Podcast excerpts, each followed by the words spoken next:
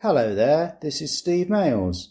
I created characters and animations for Banjo Kazooie, including everyone's favourite bear and bird combo, and you're listening to the Spell Podcast.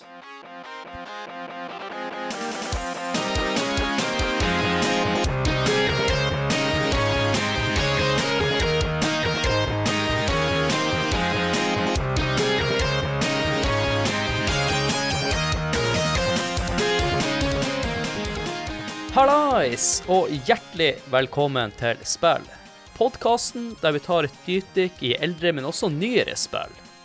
Og spill drives av meg, Adrian Haugen, og Håkon Puntervold. Og i dag skal vi snakke om et spill som var med å utfordre Mario 64 til å være det beste 3D-plattformspillet. Det blir uttalt at spillet så bedre ut enn Mario 64, og kanskje den beste grafikken du noen gang hadde sett til da. Så i denne episoden skal vi snakke om Rares debut innenfor 3D-plattform-sjangeren, og skapelsen av en ny IP. Og da ønsker jeg deg hjertelig velkommen, Håkon Puntervold. Takk. Hei. Hei, hei. Hei. Er du klar for deg å snakke om dette spillet? Det var egentlig veldig godt at sånn, du kom med et spørsmål med en gang. For jeg var egentlig veldig usikker på hva jeg skulle si eh, til svar til det du sa der. Altså, ja. eh, fikk meg til å tenke Du sa jo faktisk debuten innenfor 3D-plattforming. Det, det stemmer jo faktisk. Så eh, ja, er det jo Banjo Kazooie, en skjær tittel fra 64-æraen, som jeg dessverre i voksen alder ikke er så glad i, men har sterkest minner av ifra barndommen, rett og slett. Så det blir kos å prate om dette. Du som vokste opp eh, med eldre konsoller, spilte du spillet når det kom ut, eller eh, spilte du spillet litt senere? Altså, mange har nevnt eh, at min mor jobber på eh, Thank You Thorn, eller Torn. da, ehm, da var det jevnt og trutt at det var spill hjemme hos oss på sånn he helt plutselig. Og Banjo Kazooie var et av de som bare Poff, så var det der. Og så Hva er dette? Oi, du dæven. Og så husker jeg vel rett, så var vel jeg den eneste i klassen som hadde det. Så det var vel en storslagen favoritt i Øvre Ringvei 3. Mm. Men nå er det jo sånn, Håkon, som vi alltid bruker å si i spill, at eh, vi har stort sett med gjester i samtlige episoder, og det her er jo ingen unntak. Nei, det er det ikke. For så fort vi eh, ble enige om at vi skulle ha en Banjo Kazooie-episode, så var det egentlig raskt bestemt at det, denne jenta her hun skal være med, for at hun har nevnt det veldig mye i sin tidligere podkast Spelledåsene. Hun er nå med i vår broderpodkast Ragequit. Ta vel imot vår podkastsøster Celine Rochefte Martinsen.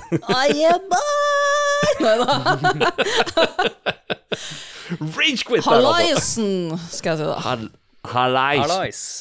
Jeg sier jo hallaisen, jeg, vet du. Ja, det er lov, det har jeg funnet ut. Du har jo vært med på en nachspiel et par ganger. Ja, det er vel et par stykken. Dere har vel gitt ut tre nachspiel-episoder. Jeg har vært med på to. Ja, fire eller fem. Og så er du med på tre, tror jeg. Ja, Jeg tror det er det. Ja, stemmer det. ja yes. Nei, det er hyggelig å få lov til å være med sammen med dere, da. Ja, her er real dealen, ja. For her må jeg liksom være, prøve å være litt seriøs, og det er ikke så lett for, for å være meg. Jo da. Nei, Ståle klarte det, skal jeg klare det. Ja. Ja, Vi har troa. ja det er bra. Vi kan jo begynne lett, da. Har du lyst til å dele minnene med oss og lytterne våre, hvordan du Første gang du spilte spillet, husker du noe ifra det? Nei, egentlig ikke. Ingenting. Nei da, jeg fikk det faktisk i 98, når det kom ut, til Nintendo 64, og jeg kjøpte spillet sjøl. Jeg husker at jeg var på lekebutikken og kjøpte meg det spillet. Og jeg hadde ikke en mor som jobba på Tårn. Nei. Nei. Så jeg, måtte, jeg holdt jo på å le meg i hjel i stad, til når du med det Ringveien 3, var det det? Ja, og greia, greia var det, det Nå kan du ikke klippe det vekk, Adrian. Nei, for at, for at greia, greia var det at vi, vi eh, Når vi skulle nevne dette med Torn, så tenkte jeg jo det Celine hun ler jo alltid når jeg sier Torn. Ja. Thank you, Torn. Tårn. Ja, men hun er ikke den eneste. Nei.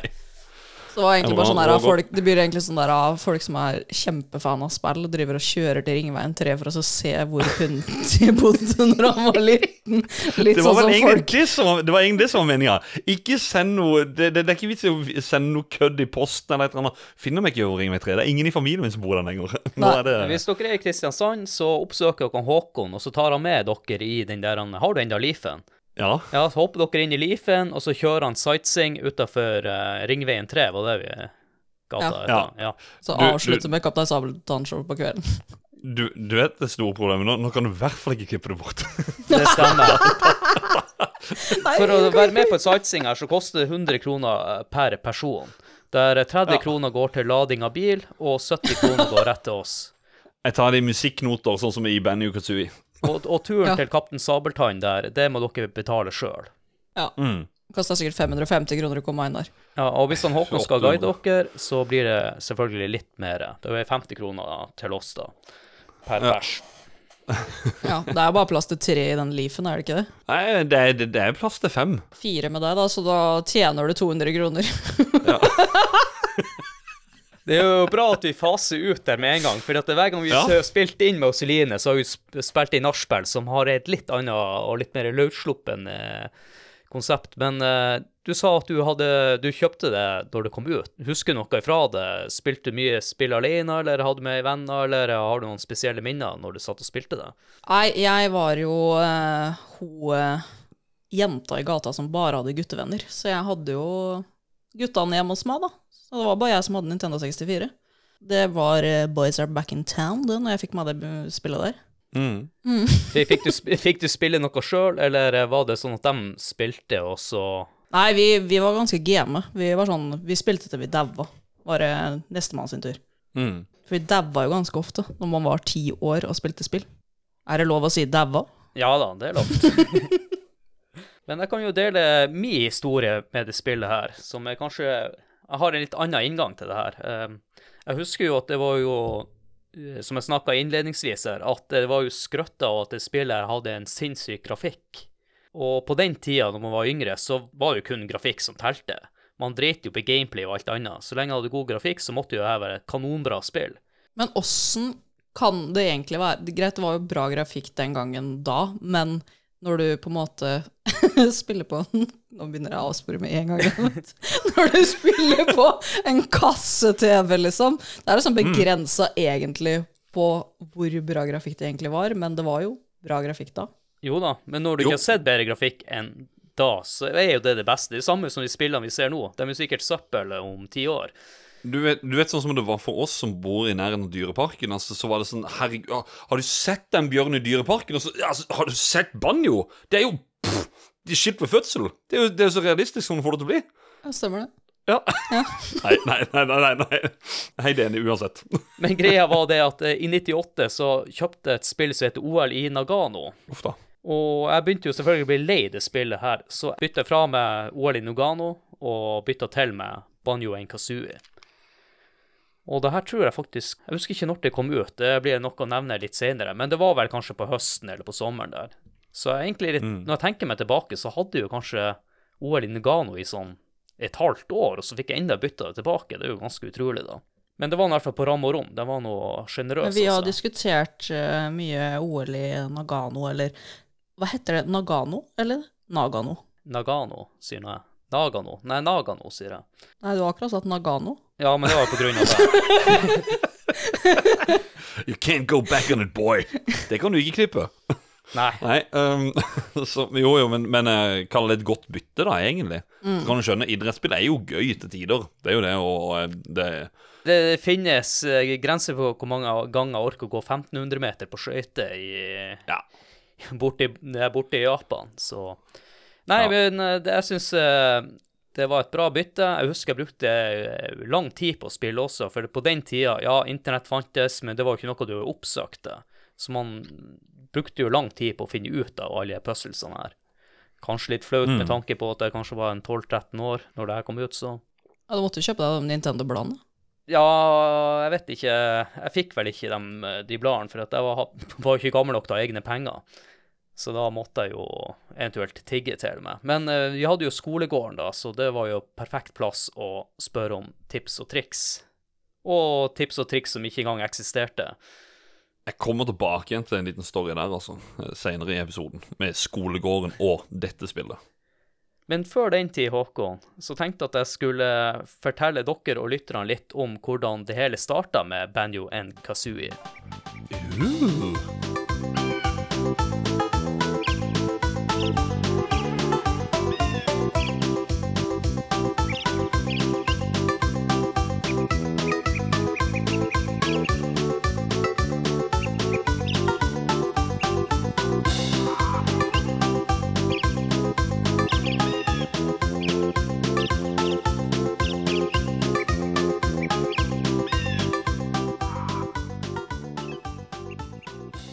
Utviklinga av Banjo Kazooie starta opprinnelig som et helt annet spill. For dette var en drøm mange ut av Rare-ansatte ønska å realisere. Og drømmen var å skape en ny IP, etter å ha jobba med plattformspillene Donkey Kong 1 og Donkey Kong 2 til Super Nintendo. Siden mange av dem var store fans av eh, JRPG og pek-og-klikk-sjangeren, så ønska de lage et eh, eventyr-adventure-spill som kombinerte litt av de her to sjangrene, med hovedvekt på RPG-elementene. Dette drømmeprosjektet deres valgte de å kalle for Dream, som hadde undertittelen Land of Giants, og planen var å utvikle dette for Super Nintendo. Han Greg Miles, som tidligere hadde jobba med Donkey Kong 1 og Donkey Kong 2, skulle lede prosjektet, og teamet skulle bestå av totalt ti personer. De ønska å fortsette å benytte seg av Rare sin Silicon Graphics-teknologi, som ble brukt under utviklinga av Donkey Kong-spillene. Men den største endringa var at de ønska å gå bort fra 2D-viewet og heller over til et isometrisk view. Og plottet til Dream skulle handle om en gutt kalt Edson og hans hund Dinger. Sammen skulle de ende opp på en reise hvor de skulle bekjempe både troll og pirater. Etter hvert så ble utviklinga av Dream flytta ifra Super Nintendo over til Nintendo 64. Og det her skyldes eh, at det var en dag hvor Rare-teamet fikk en framvisning av demoen til Mario 64. Og med alle de her endringene som følge av overgang til Nintendo 64, så følte de etter hvert at ting ikke stemte helt. Dreams verden hadde jo nå endra seg drastisk siden oppstarten av prosjektet. Og han Edson som karakter passa ikke lenger inn i verden som hadde blitt bygga rundt han. Og derfor ønska de en spillkarakter med mer personlighet. En som skilte seg ut mer, og passa bedre inn i universet de hadde skapt. Og deres første draft var en kanin, men endte opp til slutt med en bjørn. Nå hadde teamet brukt rundt 16 måneder på utviklinga, og de innså at de var langt ifra å bli ferdig. Derfor ønska Rare å vrake RPG-sjangeren, og heller gå over til en sjanger de var mer familiær med, som var plattformsjangeren. Så vi kan jo si at oppstarten på det vi kan anse som det virkelige starten til Banjo Kazooie, var 10. mars i 1997. De valgte også å droppe tittelen Dream, til fordel for den nye tittelen Kazoo. Noe av de første de starta jobbe med, var Banjo sitt moveset, og her henta de naturligvis inspirasjon fra Mario 64 og Mario sine moveset. Det var ett moveset de virkelig la fokus på, og det var å gjenskape Mario sitt double jump. Men bare gi han Banjo litt mer frihet til å endre retning i lufta. Og spørsmålet var jo nå hvordan få det her dobbeltjumpet til å virke naturlig, fordi han Banjo han er jo litt røslig bygga. Og her sliter de rett og slett med å finne svaret på det her. Og det her gjorde jo at de begynte etter hvert å bli skikkelig desperat på å finne svaret på den løsninga. Og det var da, i de her desperate tider, at en ansatt nevnte kanskje at et par vinger som dukket opp av sekken, kunne være svaret. Og så må det jo nevnes at Banjo hadde jo beholdt denne sekken ifra da han ble implementert i Dream-perioden. Dette resulterte i at de kom på flere ideer, som bl.a. å legge til et par bein som kunne poppe ut av sekken, og løpe på plasser hvor han Banjo ikke kunne springe. Og resultatet av alle de her nye abilitiesene som de la til, gjorde jo at han Banjo endte opp med en kompanjong. Egentlig litt som de hadde tenkt med han eh, Edson og deres planer for hva hun Dinger kunne gjøre ifra Dreams-tida. Dette resulterte jo også i at de valgte nå å gå bort ifra navnet Kazoo til Banjo Kazoo, og etter hvert la de til IE på slutten av tittelen. Slik at tittelen til slutt endte opp som Banjo Kazooie, som vi kjenner til i dag. Rare ønska jo også opprinnelig å ha med voice acting, men innså at dette ikke lot seg gjøre pga. tidspresset de hadde. Så de fant på en mellomlysning og lage tullespråk basert på lyder. Og de som laga lydene, var Rare-utviklerne sjøl, og ønska at Banjo Kazooie sine lyder skulle være svært forskjellige fra hverandre. Jeg er nødt til å nevne at teamet hadde svært lange dager, hvor noen uker kunne bestå av opp mot 100 arbeidstimer i uka tross at gruppa hadde vekst fra 10 til 15 personer. Og en liten fun fact er at de ansatte fikk royalties per solgte spill, på 50 cent. Og til sammenligning med Golden Eye, så fikk de der kun 33 cent per solgte spill. Og jeg nevnte jo det her med høyt arbeidspress. En av tingene de endte opp med, var å forskyve releasedatoen som var satt til 24.11.1997, og forskjøve det med et helt halvår, for å gi teamet rett og slett bedre tid. Det vil si at Banjo and Kazooie ble utgitt 29.6 i Nord-Amerika og 17.7 i Europa. Og det som er litt spesielt her, er at Japan var sist ute. De fikk ikke tak i spillet før 6.12.1998, akkurat til å rekke julesalget. Må nevne at uh, spillet også høster også veldig gode kritikker på release. Og da lurer jeg på, er det noe fortalt dere nå som var nytt for dere, eller er det noe dere å kommentere med tanke på det jeg har fortalt? Kan begynne med spørsmål. Ja. Du sier Banjo and Kazooie. Ja, det reagerte jeg på. Ja. Jeg heter ikke det. Det er, nei, nei. Nei. det er litt sånn som når skal dra inn et anspill. Uh, rett etter denne spalten å dra inn et anspill det er jo veldig- uvanlig. Men da er det Alex the Kid til Sega. Hvor kommer the ifra? Her er også Banjo and Kazooie. Det er Banjo-Kazooie. Så det er Banjo Kazooie. Ja, da Men- Bra at dere nevnte det så seint i episoden, for jeg, jeg har jo sagt det hele tida. Jeg har, jeg har ikke lagt merke til det før nå. Men, men veldig interessant og, ve og veldig gøy. Um, blant annet det du nevner med, med Greg Maileys, eller uh, også, også hva du kalte uh, Nei, May, My, Miles, var det? Miles. Ja, ja. For at jeg Men, men, men din, din høres mer mer rett ut, men jeg er nå nordlending, så det blir litt nordnorsk svang over det. Ja, for jeg nevnte han i uh, forrige episode, som var Donkey Kong Country 2. Det stemmer. Og, ja, og da var det litt det der med at du måtte bekjempe troll og pirater, at det skulle være en greie i, i Dream. Det var jo det som Ja, så selvfølgelig Greg Mailey seg inn i bildet der med piratgreiene sine og Det er derfor det er Sea of Thieves. vet du. Ja, ja det også. Han, han, han er jo der òg, så det mm, Men opprinnelig så de piratene kom ikke med med en gang. Eh, de Pirater kom med når de ønska at det skulle være litt mer voksenpreg. De følte at eh, Dream ble litt, eh, litt for barnslig, rett og slett. Ja. Og så er det spesielt at de prøver å gå over til å være litt mer voksen, for å så gå helt tilbake til Banjo Kazooie, som kanskje er, er mer barnslig i utgangspunktet enn Det er så barnevennlig at det Men var det sånn at de ble 15 utviklere til slutt? Ja. Var det det som var? Som jobba med spillet? Ja. Og de fikk 50 cent per eh, solgte spill? Ja, som jeg i hvert fall klarte å finne ut av. Og de fikk jo mer enn Golden Eye-gjengen, da. Det var en sånn deal Rare hadde med sine ansatte.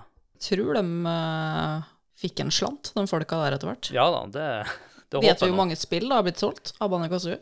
Nå må ikke stille så vanskelige spørsmål. Man har ikke rukket å, å funne ut alt det Eh, Det er solgt for 3,6 millioner eh, solgte kopier.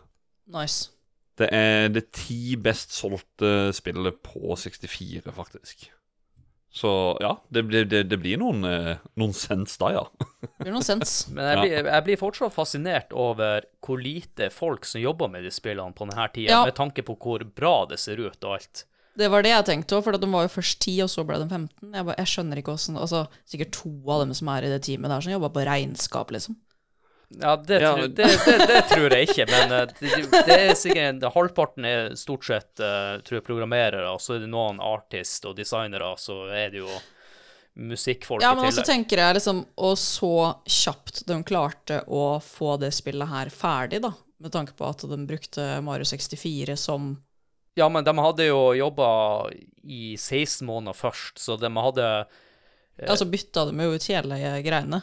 Men de hadde jo Ja, men før de så Mario 64, som ikke er nevnt, så var så Banjo Kazooie mer ut som eh, Hva skal jeg si, som eh, Crash Bandicoot.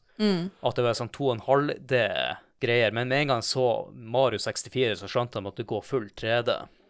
Da hadde jo selvfølgelig jobbet med noe moveset. Jeg vet også at de hadde eh, på et tidspunkt gitt dem Banjo litt sånn skater-moves, men jeg følte jo at det ikke passa helt inn, så de droppa det. De har vel hatt noe early design på den, at han har hatt noe caps og noe diverse. Har Ja. ikke det?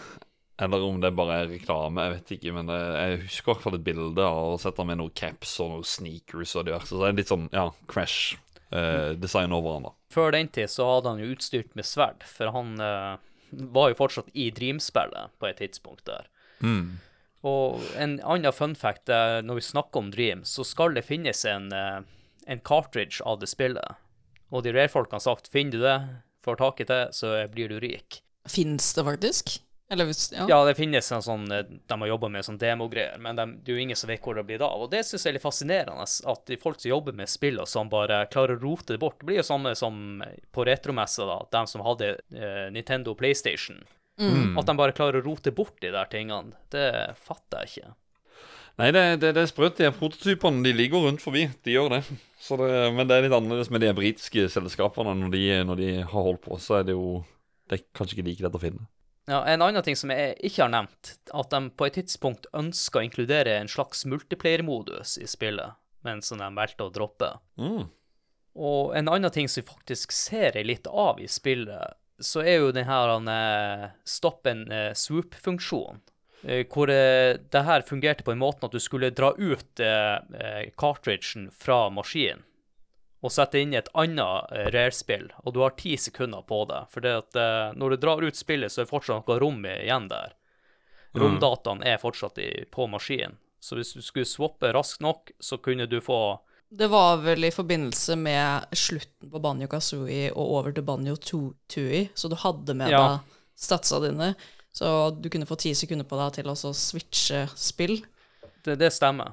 Det er jo fett. Det er ikke bare med de spillene. De skulle også premiere spillere for de som spilte rare-spill. For eksempel hvis du spilte Banjo Kazooie, så kunne du bytte det med Golden Eye eller Perfect Dark, sånn at du skulle få noe features eller bonusgreier der òg. Bytte over til Diddy Kong Racing, så istedenfor at du har banjo med, så får du for Kazooie, for eksempel. Det er dritfett. Ja, da var det kult. Jeg kan jo nevne det, jeg tenkte jeg skulle spare, men siden du nevner Diddy Kong Racing, så er jo egentlig der han Banjo debuterte. Ja, det var det jeg ville spørre om òg, egentlig. For at det, jeg husker jo designet på han der litt sånn svakere enn det Det han er i ganske mye svakere, ja. Ja. Det var I'm banjo! Det er jo naturlig, som, for som man sier. Spillet kom jo ut et halvår før de slapp ut eh, selve banjospillet. Men det var en måte Ja. å introdusere karakterene på. Men det, Mm, og det var jo litt spesielt. Jeg husker når jeg, jeg kjøpte jo også Diddy Kong Racing når det kom ut, da.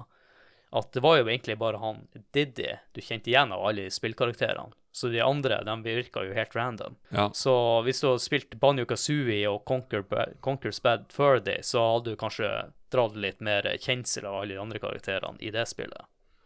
Det er jo han TipTup, eh, kan jo nevnes når vi er inne på Diddy Kong Racing. Om det er noen som husker TipTup, den her lille skilpadden. Han Ja, er med jeg hadde akkurat tenkt å si skilpadda. Det, det er jo bra at dere spoiler ting jeg tenkte jeg skulle ta litt etterpå når, og fortelle litt, no! fortelle litt om den verdenen eh, hvor du finner han, Ja. men det kan du spare til etterpå. Men han TipTup er jo også, han er jo også med i det her spillet. da. Banjo and Kazooie. And, and what? Ja, ja. U- Unnskyld, lyttere. Jeg, jeg blir å si det. Jeg har sagt det i 25 år, for det har de ikke sagt. At i forrige uke Vi spiller nå inn 6. i 7. i 2023. Og i forrige uke, 29. juni, så fylte Benji Kazooie 25 år. Og det var ikke vi klar over når vi bestemte oss for denne episoden i hele tatt. Nei, faktisk. Så det Serr? Er det 25 år siden? Fy faen, vi er gamle. Åh, jeg begynner å bli gammel. Og en annen ting jeg glemte av.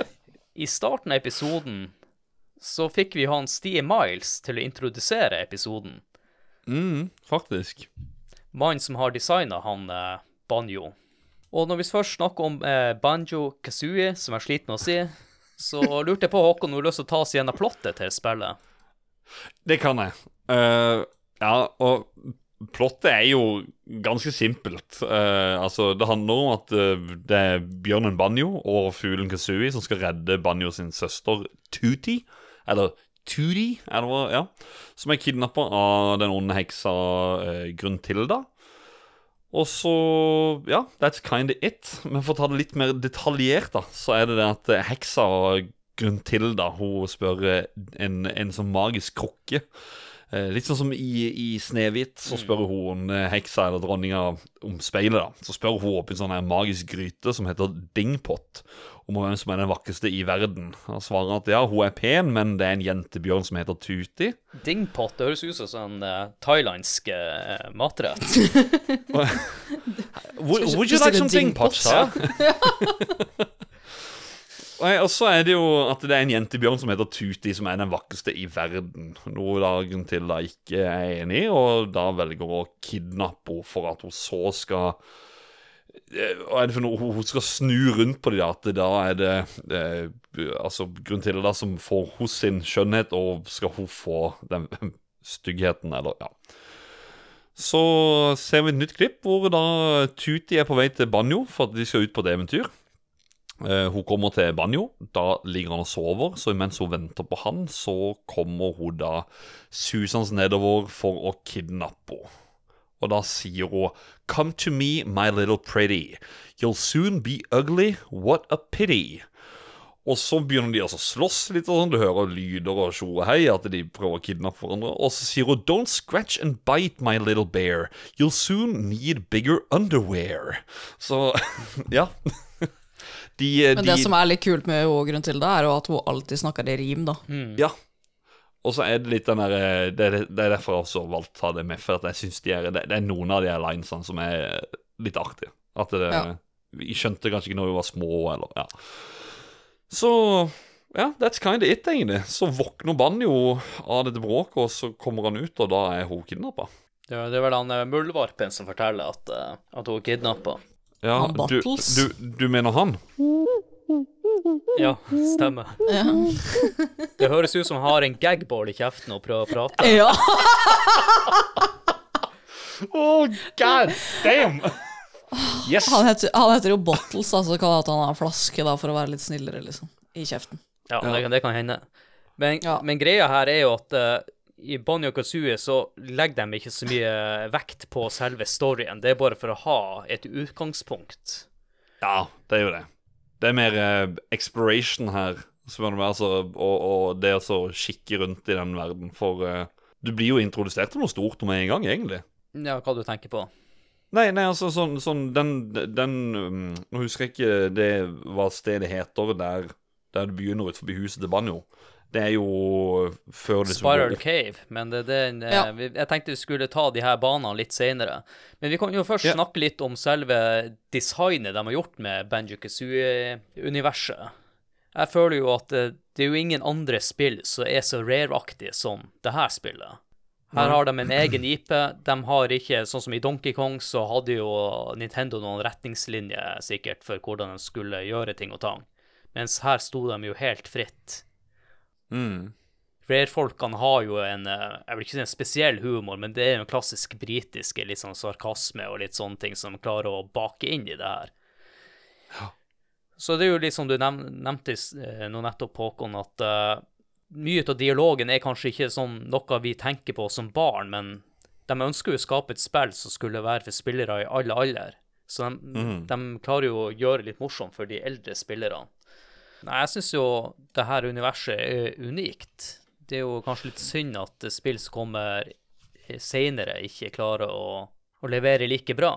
Jeg syns jo altså bare, bare, bare fiendene Du går liksom fra, fra en okse, så plutselig er det en løk som står og hopper etter en gulrot. Det er liksom, det er alt mulig rart. Og det, det var egentlig bare det jeg mente med at det, du blir introdusert til når du kommer ut av huset i starten her, så er det alt det du ser, er liksom sånn Hidden Spiral Mountain-området, ja. Ja. Ja, og, og, og, og, og, og, og når, når jeg var yngre, så kan ikke jeg huske å, å tenke tilbake på nå, så er det ikke noen andre spill som var likt sånn verdensmessig, sånn på åssen banen var i forhold til alt det du så, da. Når, når vi først Så- er inne på den banen, og så kan vi bare ta det med en gang, er at uh, det her er en tutorial, så det her uh, Mm. er jo banen som skal lære eh, triks og sånne ting. Men de har gjort én ting, at du kan skippe ned banen helt, faktisk. Å? Ja. Men ulempen her er jo at du mister et eh, sånn ekstraliv, da. Det er honeycombs-greia. For hvis du gjør alt, alt det, så får du et ekstra liv. Ja, altså sånn sånn så en hard container i, i, i Zelda. Mm. Så hvis du bare tenker 'fuck this', jeg hater torturøl', så For du kan jo bare starte å løpe rett på toppen av fjellet, og så begynne. Så har aldri jeg tenkt på det, for det, var så mye å gjøre der nede og kose meg, så jeg tror vi sikkert satt der i to-tre timer. det, det, er jo bra du har gjort det, Håkon, for hvis du en gang du forlater den plassen, så kan du aldri gå tilbake dit. Det er den eneste plassen i hele spillet du ikke kan backtracke. Og du kan ikke gå tilbake, da. Det husker ikke jeg. Dæven. Du husker det ikke, for du kan ikke det. Det er derfor. Nei, nei. du ikke husker det. Jeg har spilt det før, ja. Da, ja, da er det bare OK. Ja, da er det bare rett over til Ja. ja. Musikken her, altså. Jeg nevnte jo i stad, eh, og det er jo normalt å dra paralleller til eh, Mario 64, for det, det var jo eneste spillet eh, man kunne sammenligne med på den tida. Hva dere synes de klarer å gjøre i Banjo Kazooie som skiller seg ut fra Mario 64? Er det noe dere vil trekke fram her? Har de klart å skape en bra verden med gode variasjoner, f.eks.?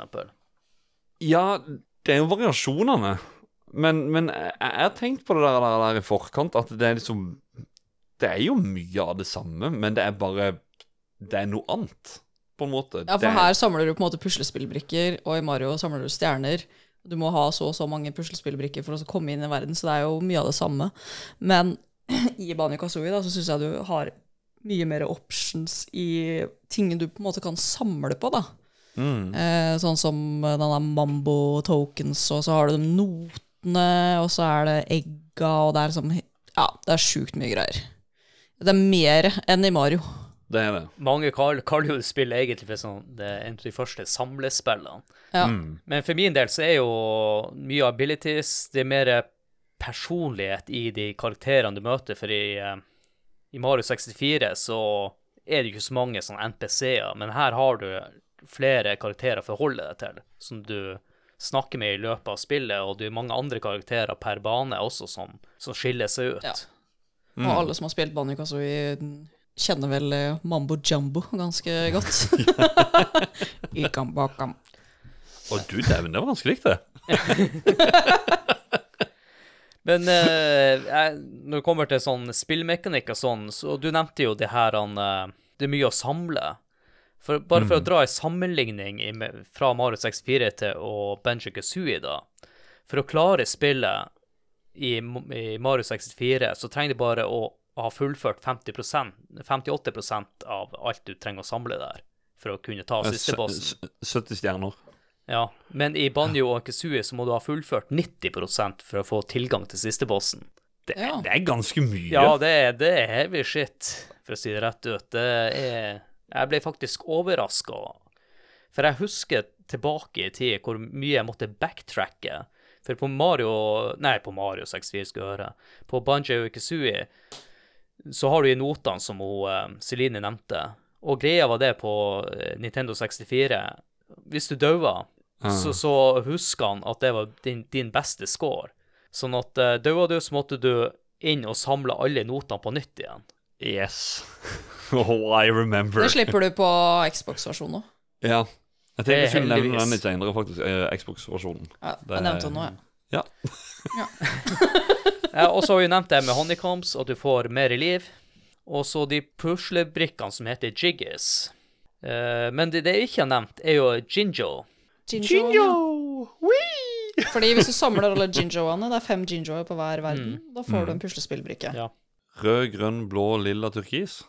Hadde så lyst på en Ginjo når jeg var liten. Altså. ja, kanskje du finner det på eBay eller noe sånt. Det må jo finnes noen Ginjos-butikker. Og nå er du såpass voksen at nå nå er det Det finner egen Ginjo-butikk. Ja, du kan starte det. Gå og kjøp, gå og kjøp din Ginjo i dag. De har Ja. flere farger enn de har i spillet.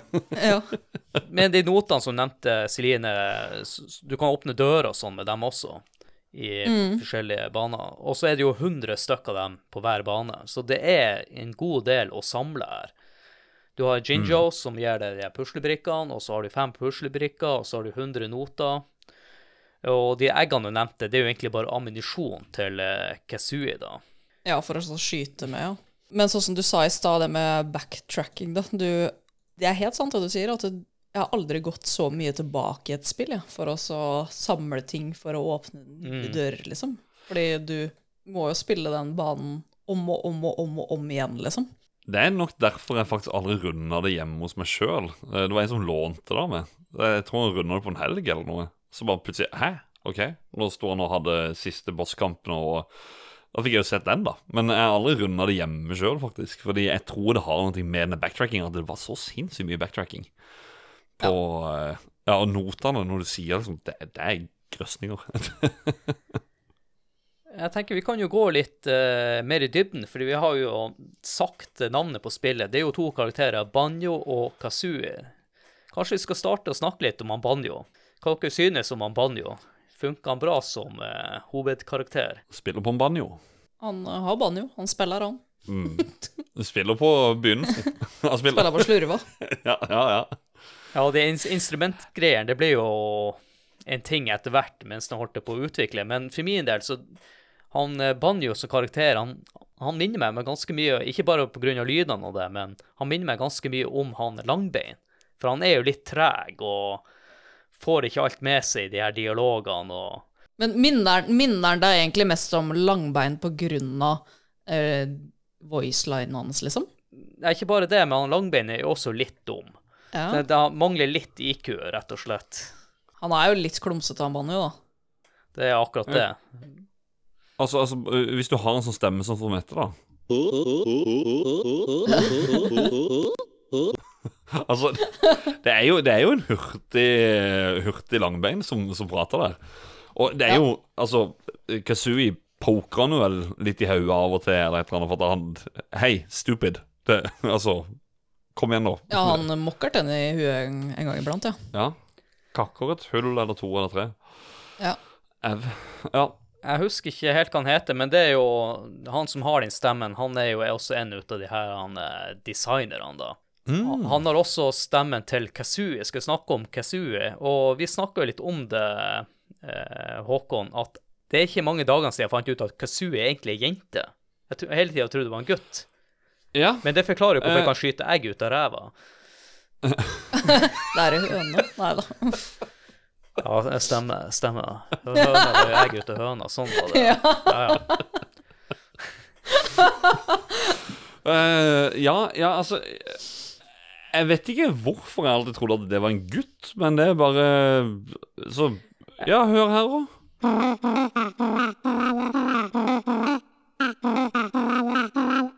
Det er, det er litt mørk tone. Det er sånn det Altså, Det er vel en mannlig, mannlig voice actor der òg.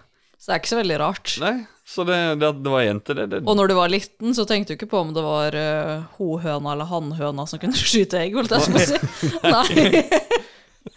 Nei, jeg, jeg trodde det var en gutt. Og så Det er litt sånn Kristiansand i dialekt der. Jeg kjenner jo igjen litt Men sånn jeg skal si det, jeg og Adrian. Jeg, jeg, jeg lærte meg ikke at det var en jente før noen år siden. Jeg spilte vel for tre år siden når det kom på GamePass, eller hva det var for noe.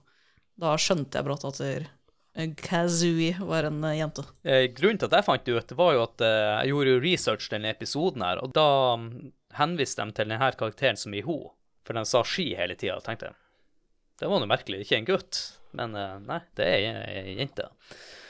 Ja, Det er vel sikkert en sånn Det blir sikkert sagt en eller annen gang i spillet òg, men eh, det var jo som vi snakka om tidligere, at det var, det var ikke mye vi leste. Så de Nei, nei, nei, eh, nei, det- punchlinesene som kommer, alt sammen, det ja. Den manualen, den var som regel alltid ubrukt.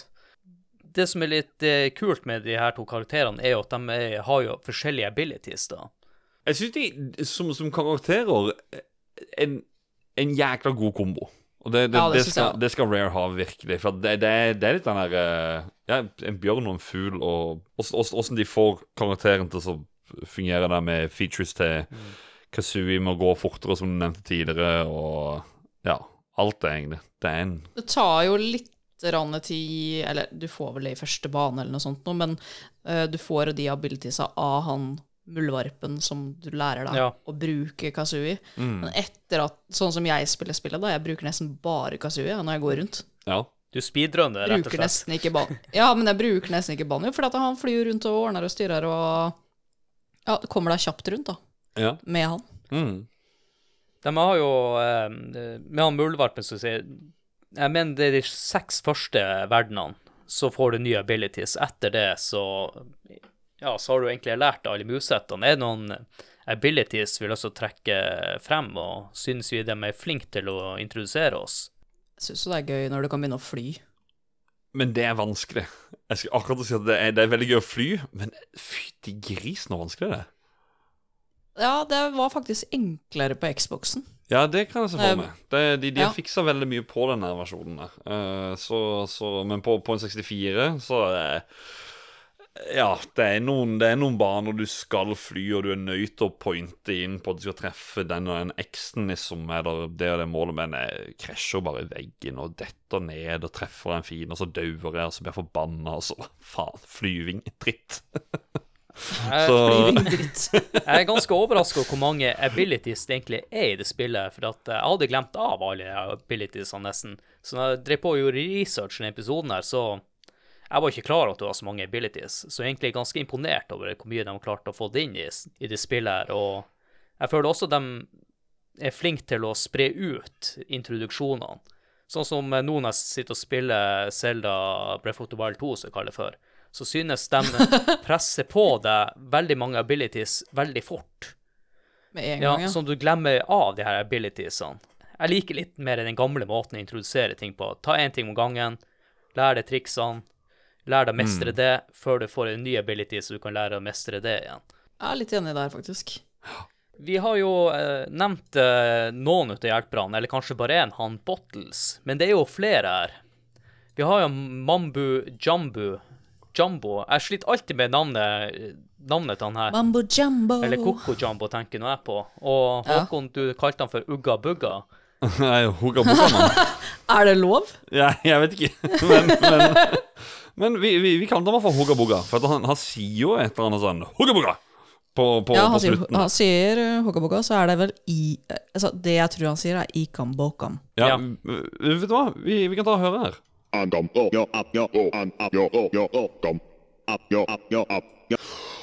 Wow! Up your, up your, up your Hæ? Sier han det? Ja, Ta den en gang til. ja han, han, sa- han sa det. Up, yo, up, yo, up, yo. Up your, up your, up your, Up your, up your. up, up, up your Vet dere hvem som har stemmen hans?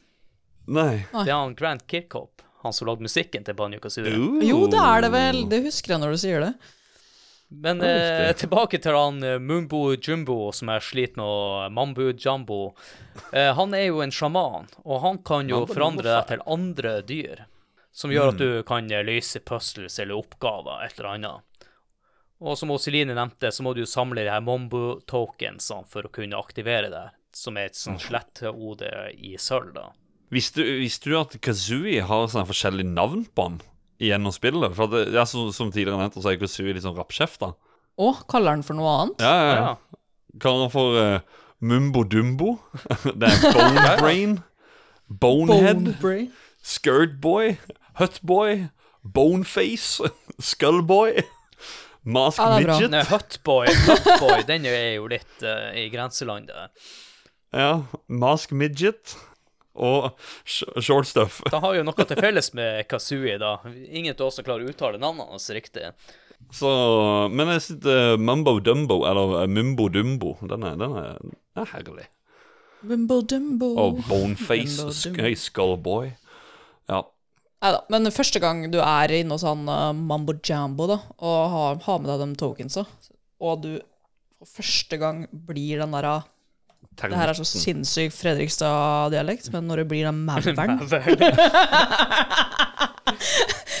Det er jo helt amazing, da. Ja, det Jeg elsker å være den mauren, liksom. Den kommer seg rundt overalt. Ja, det, for det, det, det er det som også er um, Egentlig noe jeg vil nevne sånn tidlig der med universet, som noen nevnte. det, At det, for det er jo en ny del igjen. Alt, når han gjør det om til ting, da kommer du alltid til på andre plasser.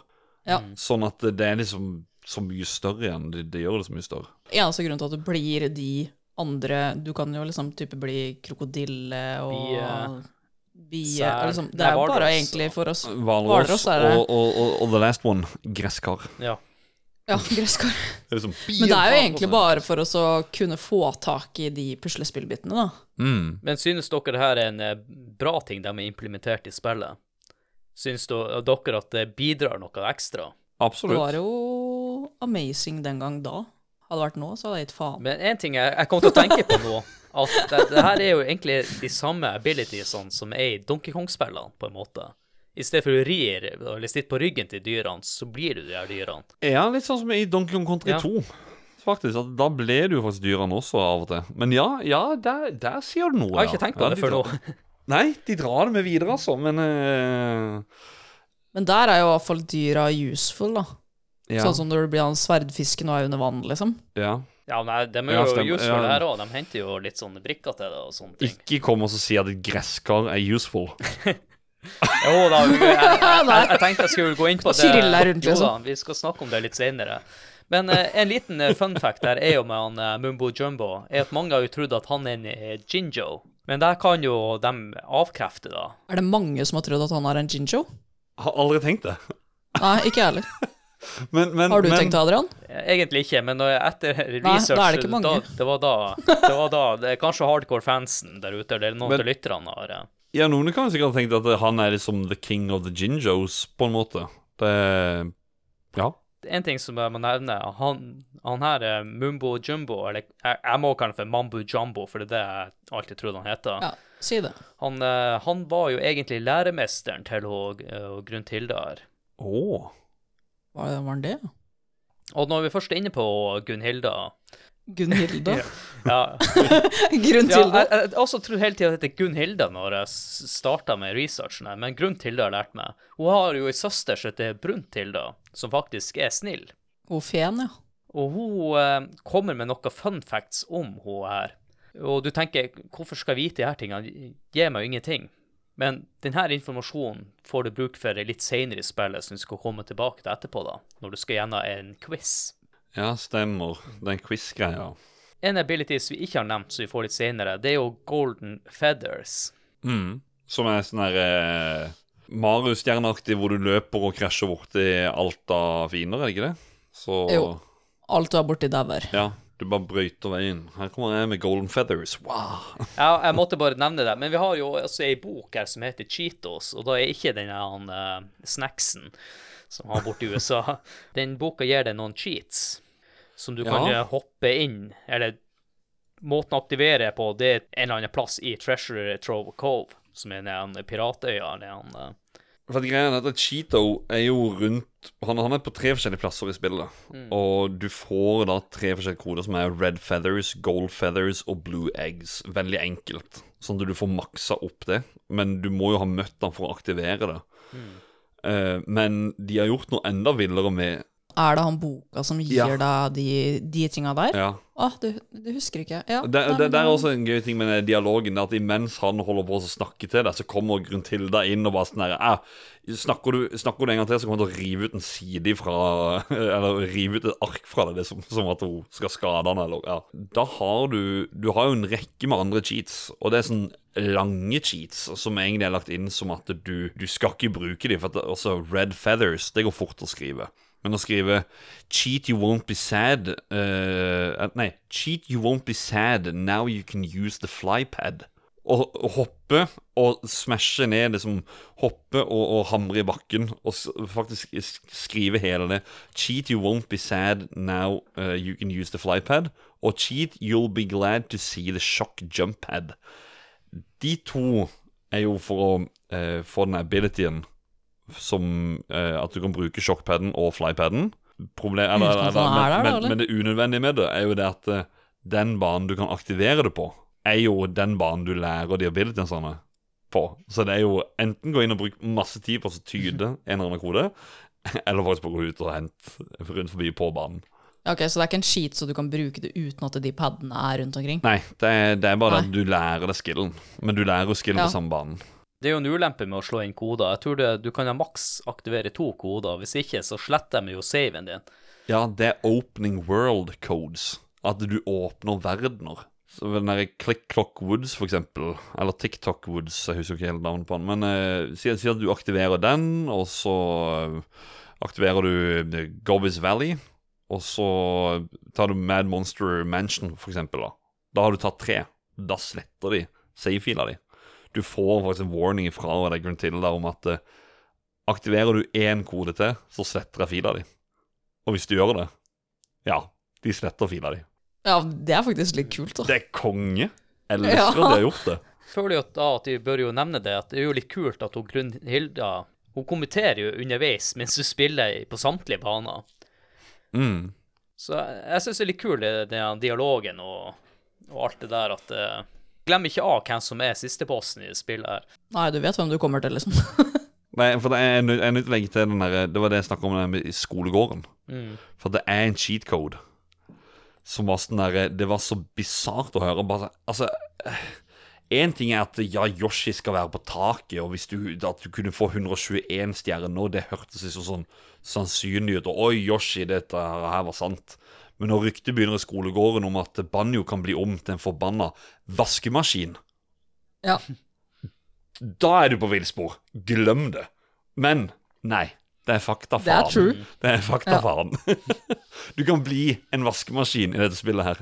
Det er liksom Wow. Og så er det jo de code Jeg har aldri brukt sånne codes, men du har jo de codesa hvor han kan få dritsvære armer, han kan få dritsvært hue. Du går rundt og bare ser ut som en jævla idiot, liksom. Lang kropp og Nei, det er mye gøy med de cheatsene der, det er det. Men det tar unødvendig lang tid å aktivere dem. Jeg tenker vi kan jo eh, både forfriske vårt minne og lytternes minne med tanke på alle verdenene. Jeg tenkte jeg kunne gå raskt gjennom. Eh, Vi har jo nevnt jiggis i stad. Det er faktisk ti jiggis per verden, da. Det er totalt ni verdener i det spillet her, og da ikke regner med Spiral Cave og Grunt, eh, Gruntildas eh, leir, da. For det har vi ikke snakket om, at Gruntildas leir det er en slags hub. Det fungerer på samme måte som Mario 64, at du entrer et slags bilde, et eller annet.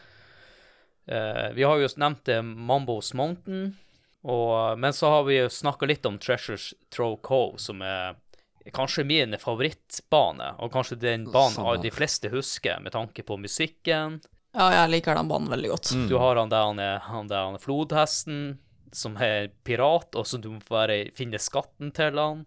Du har den der han er, hva skal jeg kalle det, for en slags snegle eller krabbe, eller hva det er for noe. Du må inn i det skjellet hans etter hvert. Kan jeg bare spørre, husker dere åssen han, han flodhesten åssen han prater? Jeg, jeg lurer på om det var noe Nei. irriterende, i. Brace yourselves. Ja, En ekte pirat. da, der, der har du måttet moro på kontoret, så. Ja. Ja, det må være rapelyder de har. eh. Så det, det er bra. Hvem rapa? Det er det man må spørre om. Men hvem bane var den der ah, hvor han Du vet han, den jernhaien, vet du, som var nede i vannet? Kommer til Ja, den. vi kommer til den, så. men eh, en, jeg vet ikke om du har det på soundboardet ditt, Håkon, men husker dere den haien som er på den banen her? Den har jeg med her. fy faen hvor panikk jeg hadde av den haien der. Når jeg drev på med research, jeg fikk, jeg fikk, eh, ah, jeg fikk panikk bare å høre den uh, haisommermusikken som kommer når han dukker opp der. Jeg var livredd den der, der. Og jeg var 13 år. Å, fy faen. Ja, jeg eh, det er, det er min verste bane, liksom. Er det den der Clankers Cavern? For det er jo neste bane. Ja. Og det er jo den ja. store stålhaien.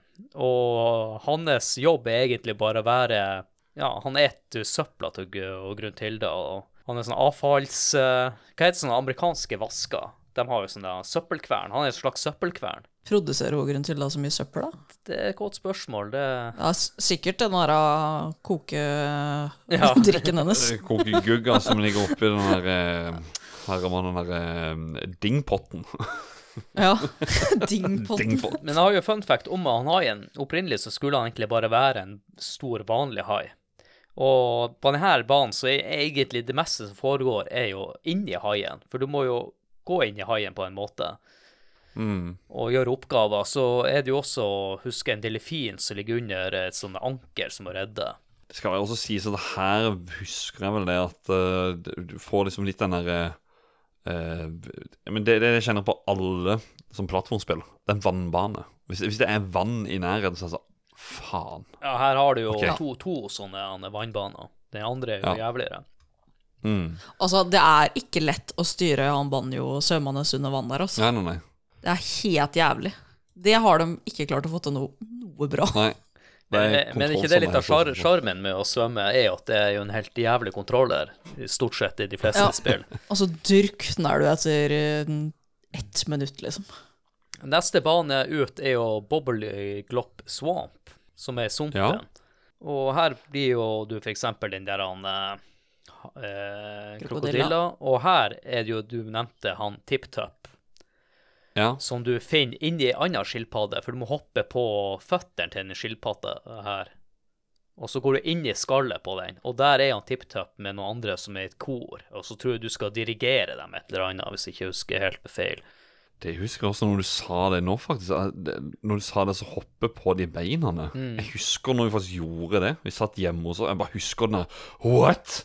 Hva skjedde nå? Det var bare helt tilfeldig at uh, min bror gjorde det. Og alle som bare Hæ? Hva skjer nå? Og så, whoops, gikk han inn og så Hæ, kan vi gå inn her òg nå? Dæven. Og Jeg lurer på om også ei stor krokodille der på den banen, og så får du de her gummistøvlene, for du mister jo liv av å gå i selve sumpvannet. Ja, Kasui får den gummistøvlene. Ja. Mm. Og dem får du jo egentlig bruk for litt seinere i spillet også. Det er, den banen her er egentlig OK, eh, men det er ikke noe sånn minneverdig. Og så har du jo Freezy Peak, som er den vinterbanen, som jeg syns er... var litt uh, kul. Jeg liker den. Jeg elsker den banen der. Jeg får så eh, Jeg er ikke glad i vinter, men akkurat den vinterbanen der, ja, fytti grisen og koselig det er, altså. Men du sa jo i stad, Håkon, at du ikke var så veldig glad i å fly. Her må du fly ganske Yes, mye, da. og det er her jeg snakker om at her må du må fly med den forbanna X-en på den hatten til den der de, de, de nissen snømann står og kaster snø. Og så må du jo også gjøre noe med den store snømannen i midten, for det er jo en gigantisk snømann der. Ja, faen skal du ta knappene til? Og så har du en Ja. akekonkurranse der, der du må bli en hvalross og kjøre mot en hvalross, ikke det? Jo. Syns du det er rapekonkurranse? Ja, heller slipper jo det, da. Og så har du også en oppgave der du må pynte et tre der òg, i tillegg. Som Ja. er en sånn samlebånd. Så denne banen liker jeg, for det skjer så mye, og så er det litt sånn Christmas-stemning rundt alt. Åh, jeg elsker noen Christmas-baner, altså. Jeg anbefaler folk bare nå, Det er litt sidespor, nå, men gå inn og så søk uh, Dark Souls Banjo Kazooie Music. Da har de tatt Freezies ja, Freezies i peak med Dark Souls på en sånn vinterbaneboss. Den musikken i Dark Souls det, bare funker. Det er bare så koselig. Det er Uansett hvor brutalt det er, det er så koselig med musikken der. Det bare snur alt. Ok, Ja. det har jeg ikke hørt. Et, et, et lite tips der. Den neste banen ut er jo kanskje en bane Jeg vet ikke om jeg Jeg tror ikke jeg likte den så godt. Det er jo uh, Gobbys Valley, som er ørkenverden. Eller faraoverden, som jeg kalte det før, når det er sånn Egypt-tema. Ja, alltid farao, du...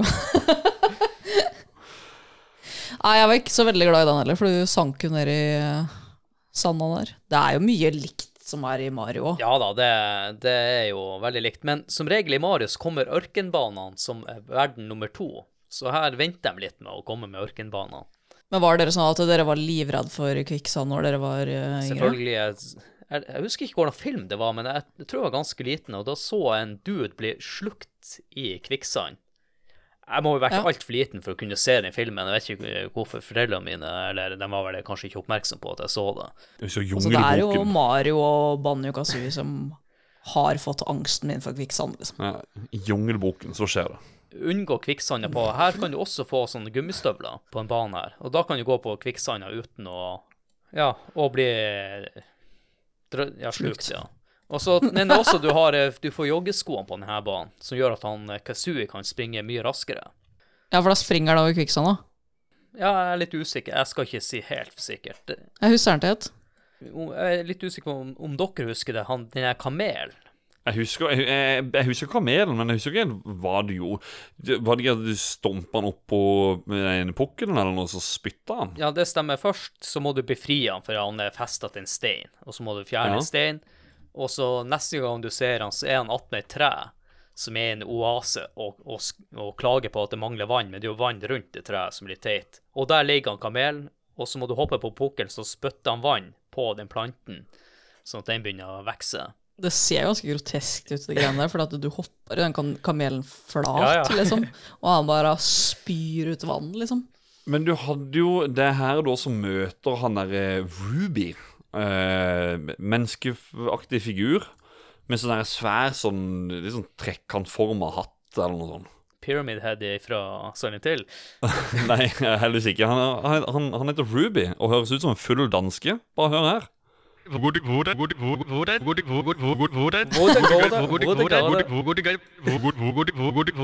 Han, han prøver å komme til ordet hele tiden.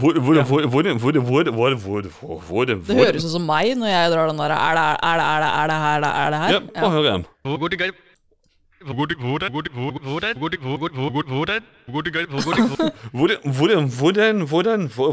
hvordan? Ja, Hvor er Karlsberg? Ja.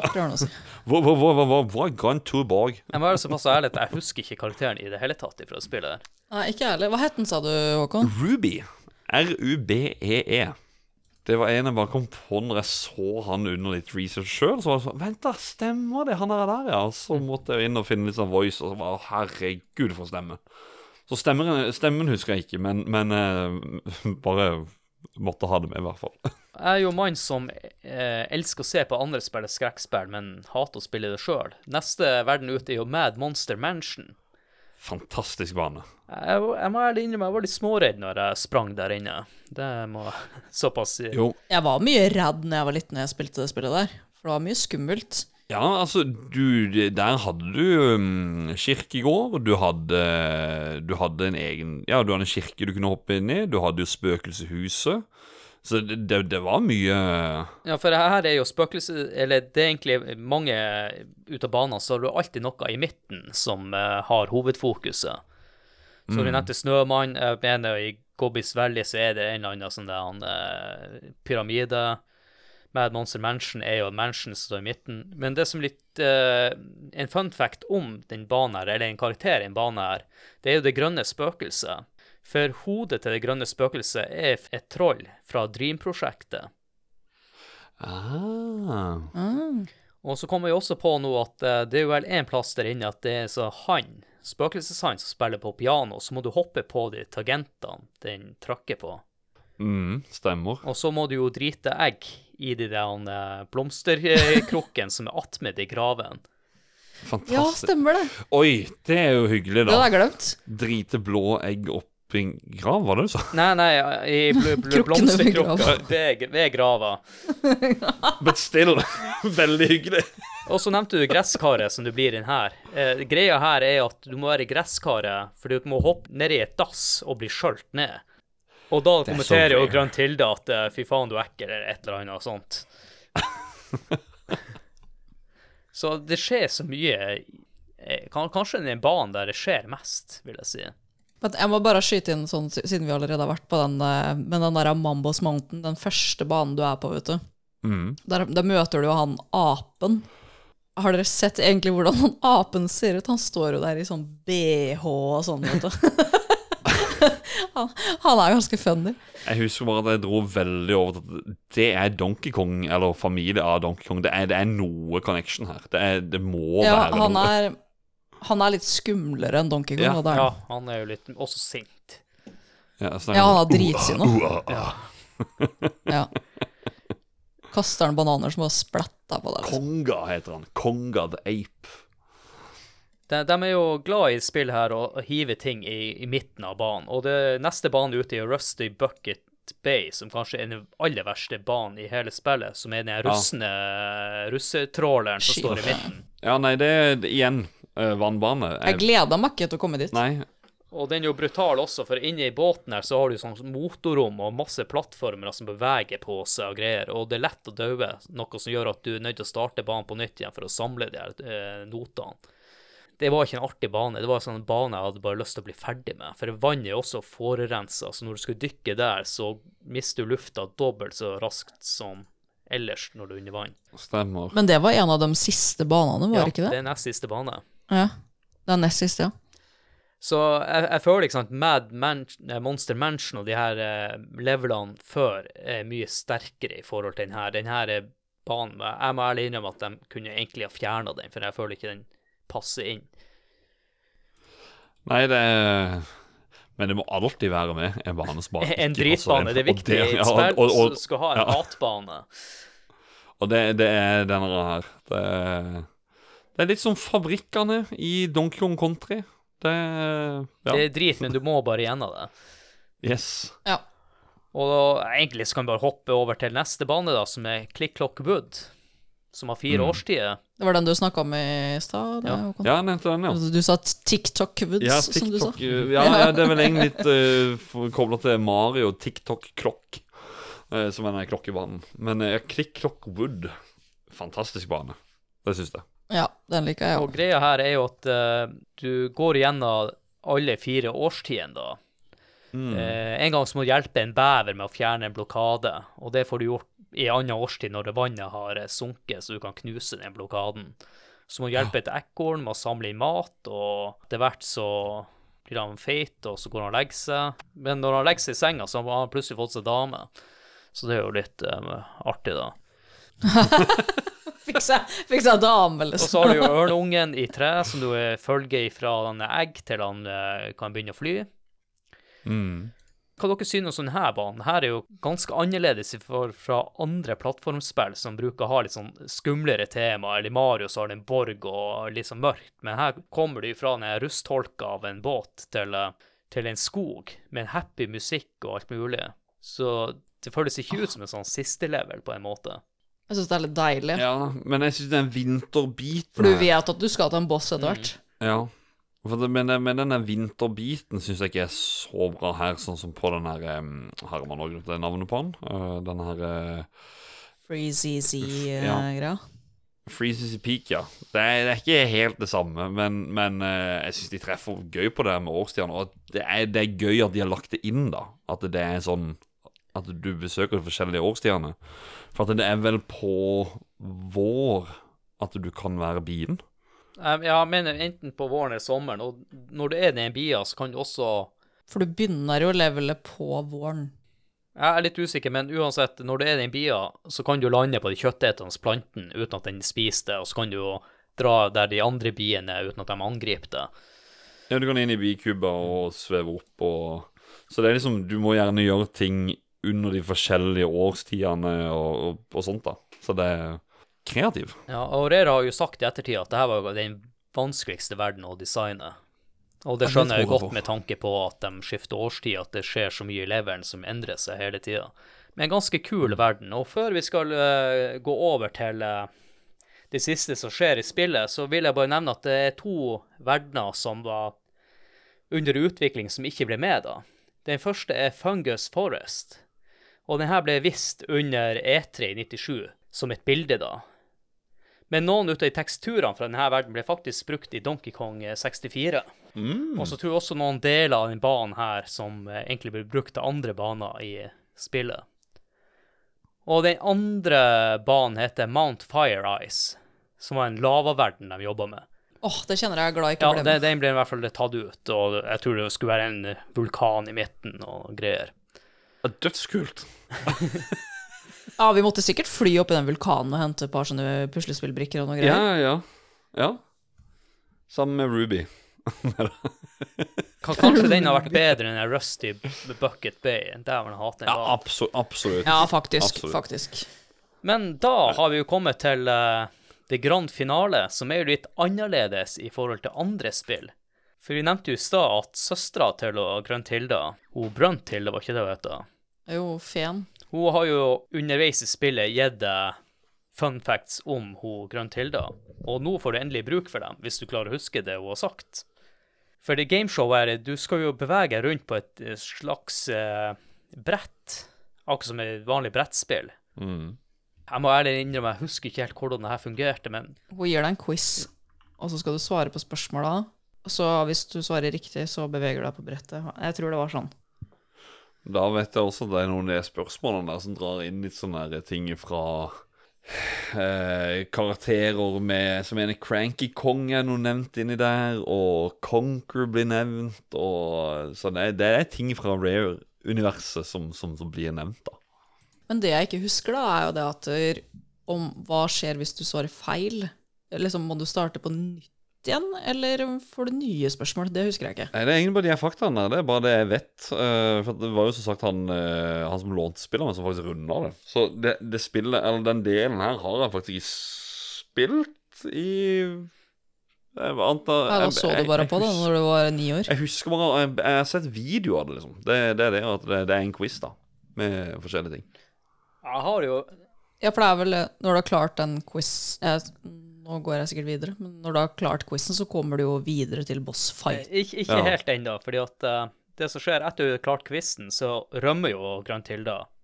Og da, og da starter Ja. cutscene med at, de, at du tenker at eh, Eller han Banjo tror, eh, tenker vi, Nå er vi klart det her. Så de sitter jo og feirer eller på ferie, noe sånt. Og så kommer de på at faen, hun har jo rømt. Dra tilbake, og, og da kommer du til den virkelige bosskampen. Stemmer det. Det hadde jeg glemt. Og det som blir kult med bosskampen, er jo at eh, alle abilities du har lært underveis i spillet, får du brukt i forskjellige faser på denne bossen. Jeg husker at er sleit som fy, i hvert fall. Det, det, det er Jeg kan jo huske at det var, var ikke det enkleste bossen jeg har vært borti. når jeg tenker meg om. Nei. Det er ganske lenge siden. Jeg har ikke spilt spillet siden 98. Jeg har ikke spilt bossen siden 98, jeg heller, og det er jo 25 år siden det nå, så jeg begynte jo på Men det skal sies, da. Hvordan, liksom sånn som det ser ut på Xbox nå, ser jo helt amazing ut. Men det er bare sånn der Jeg detter jo av etter hvert nå som jeg har blitt voksen. Eh, det er ikke så moro lenger nå å spille Banjo Kazooie. Sånn kontra de minnene du hadde når du var yngre, så jeg klarer jo ikke å komme meg gjennom til å spille siste boss på nytt igjen nå. Må jo huske på når man spiller litt eldre spillene, er jo at eh, når du spilte dem da, så var det jo helt nytt. Du har ikke vært borti de her tingene før. Men etter 25 år så har jo spillene videreutvikla seg.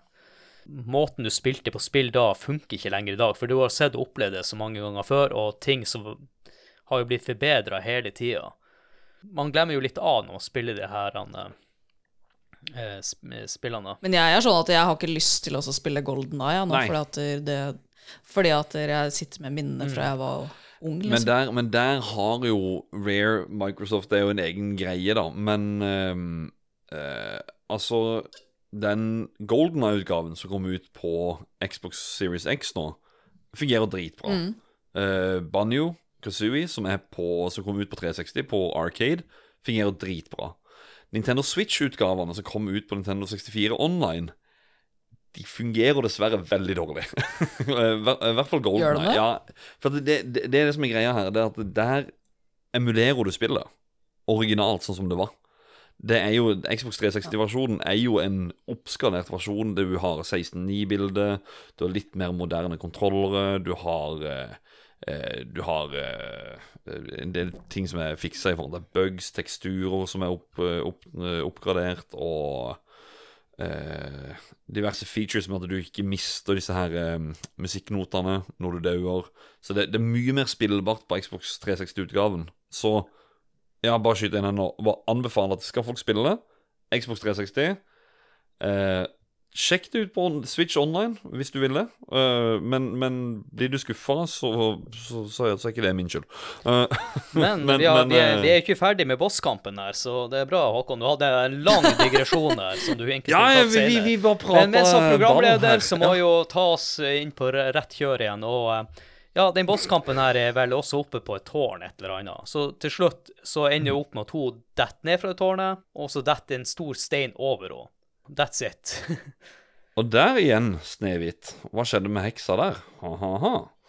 Hun datt også ned og fikk en stein over seg. Shit. Det husker ikke jeg fra eventyret. Jeg var livredd for den scenen der. Å, herregud. Men nå skal ikke snakke om film, da. Men, men, ja. men ja. Men da har jeg Um, henta masse fra Snøhvit, egentlig. mm. Men er Jinjos da de fem små dvergene? Det mangler jo to. Det, Ja, det, det kan hende. Kanskje Muldvarpen kan er en, og så han uh, Mambo Jumbo, den siste dvergen. Mambo. Men, men du, vi har jo egentlig altså sånn, Bare når du nevnte grunn til da, Nå blir det liksom å hoppe tilbake igjen når vi snakker om karakterer. da uh, For jeg, jeg har litt den der Vi bare spiller av um, Fordi hvis du får game over i spillet, da får du se en scene hvor hun vinner og får det sånn som hun vil. Mm. Da, da kommer det opp i Ja. cutscene at hun står pakka inn i en maskin, og så står um, Tuti, eller hva hun het, Tuti Tudi um, eh, Hun eh, står inn i den andre maskinen, og så skal de liksom bare bytte kropp, da, på en måte. Stemmen til Gruntilda er jo sånn her.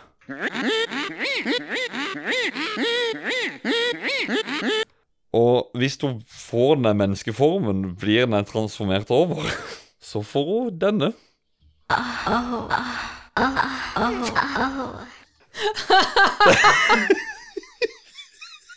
Oh, yeah, boy.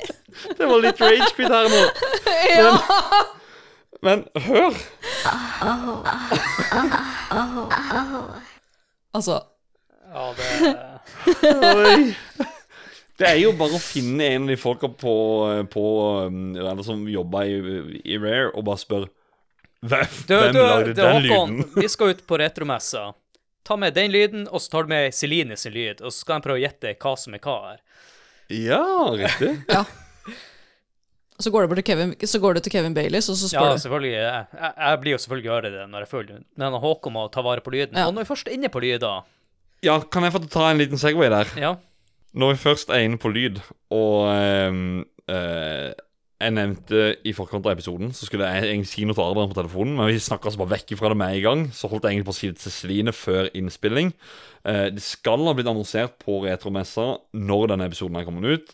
Dere to vet det kanskje ikke før nå, men Grant Kirkhope kommer til Retromessa i Sandefjord. Skal han spille? Eh, ja, han skal spille sammen med David Weiss og disse her. Og, og da, må vi, da skulle vi fått han til å spille i Mambo Å, jeg Jumbo-lyden. skal jo ikke på retromessa! Og, Nei, det skal og han jo stemmer til Mambo Jumbo. Ah, Ja. ja, ja, Mambo Jumbo, ah, ja, yeah. Og Nei da. Grunn til da. Åh, men det er jo helt konge, da, at han Ja, kommer. det, det, det er veldig gøy. Det var Jan Olav fra Retromessa som eh, ringte oss og spurte litt, fordi at de skal annonsere det nå rett rundt. Så når, når vi skulle ha den episoden, så fikk jeg lov til å si det. Jeg fikk det. jo æren av å intervjue Grand Kirkhope Stemmer. på retromessa en gang. Men eh, fikk dere med dere at dere, For at Ed Grand Kirkhope er han som har skrevet den donkey-rappen, ja. vet du. Og Lise rappa jo donkey-rappen for Grand Kirkhope. Lise som var med i Flåklypa-episoden, eh, også for dere som eventuelt har hørt den. Eh, OK, så, ja, så hun gjorde det? Dæven.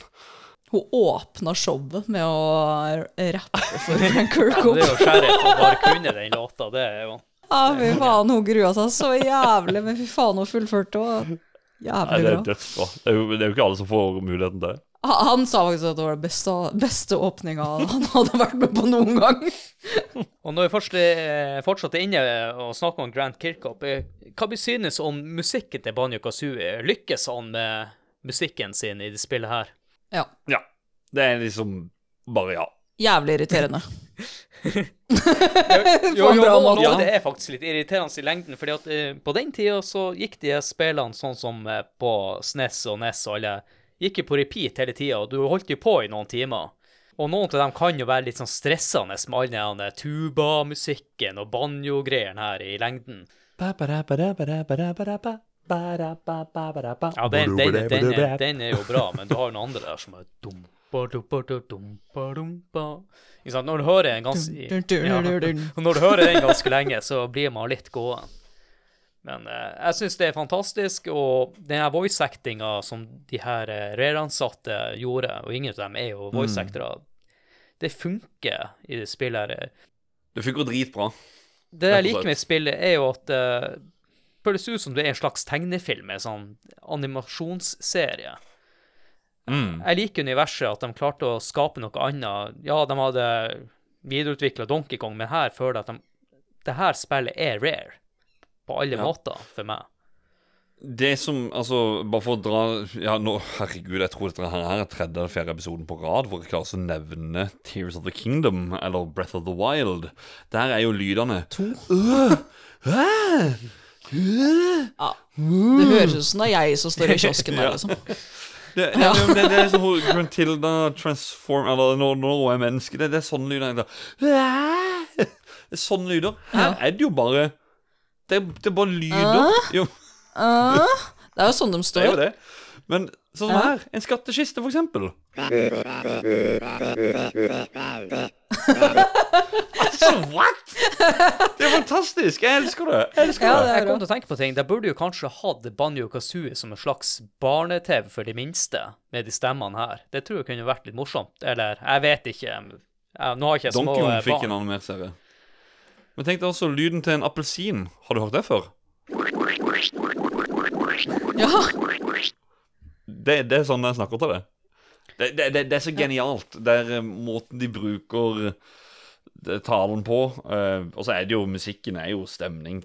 Jeg, tror egentlig at vi skal sette punktum for hovedspalten, fordi at jeg tror vi har dekket det aller meste. Og da gjenstår ja. det egentlig å rate spillet og lyttespalte, men først skal vi gå over til å rate Banjo Kazooie.